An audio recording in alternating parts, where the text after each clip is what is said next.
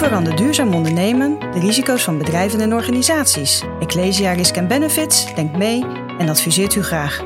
Want wij voelen ons verantwoordelijk voor de wereld van morgen. Ecclesia Risk Benefits, samen, bewust en gerust vooruit.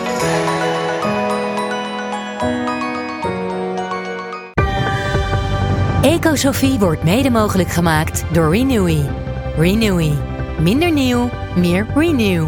Want afval bestaat niet. Kom maar met die duurzame sterren. Oh ja, 4,5. Ik geef er 4. Ik geef er 3,5. En deze Marnix Kluiters die doet dat dus in elke, in, elke podcast. Uh, interviewt hij iemand die hij op het, of zij op het, die hij op het spoor komt.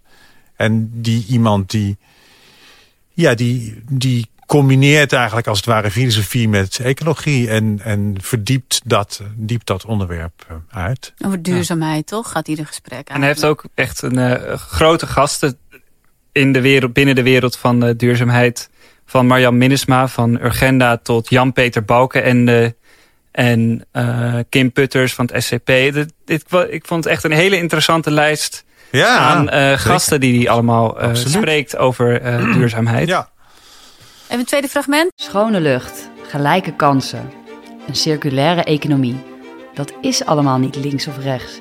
Een mooie toekomst, daar moeten we samen aan werken. Teken daarom ook voor een duurzaam regeerakkoord. Ga naar duurzaamregeerakkoord.nl en teken het manifest.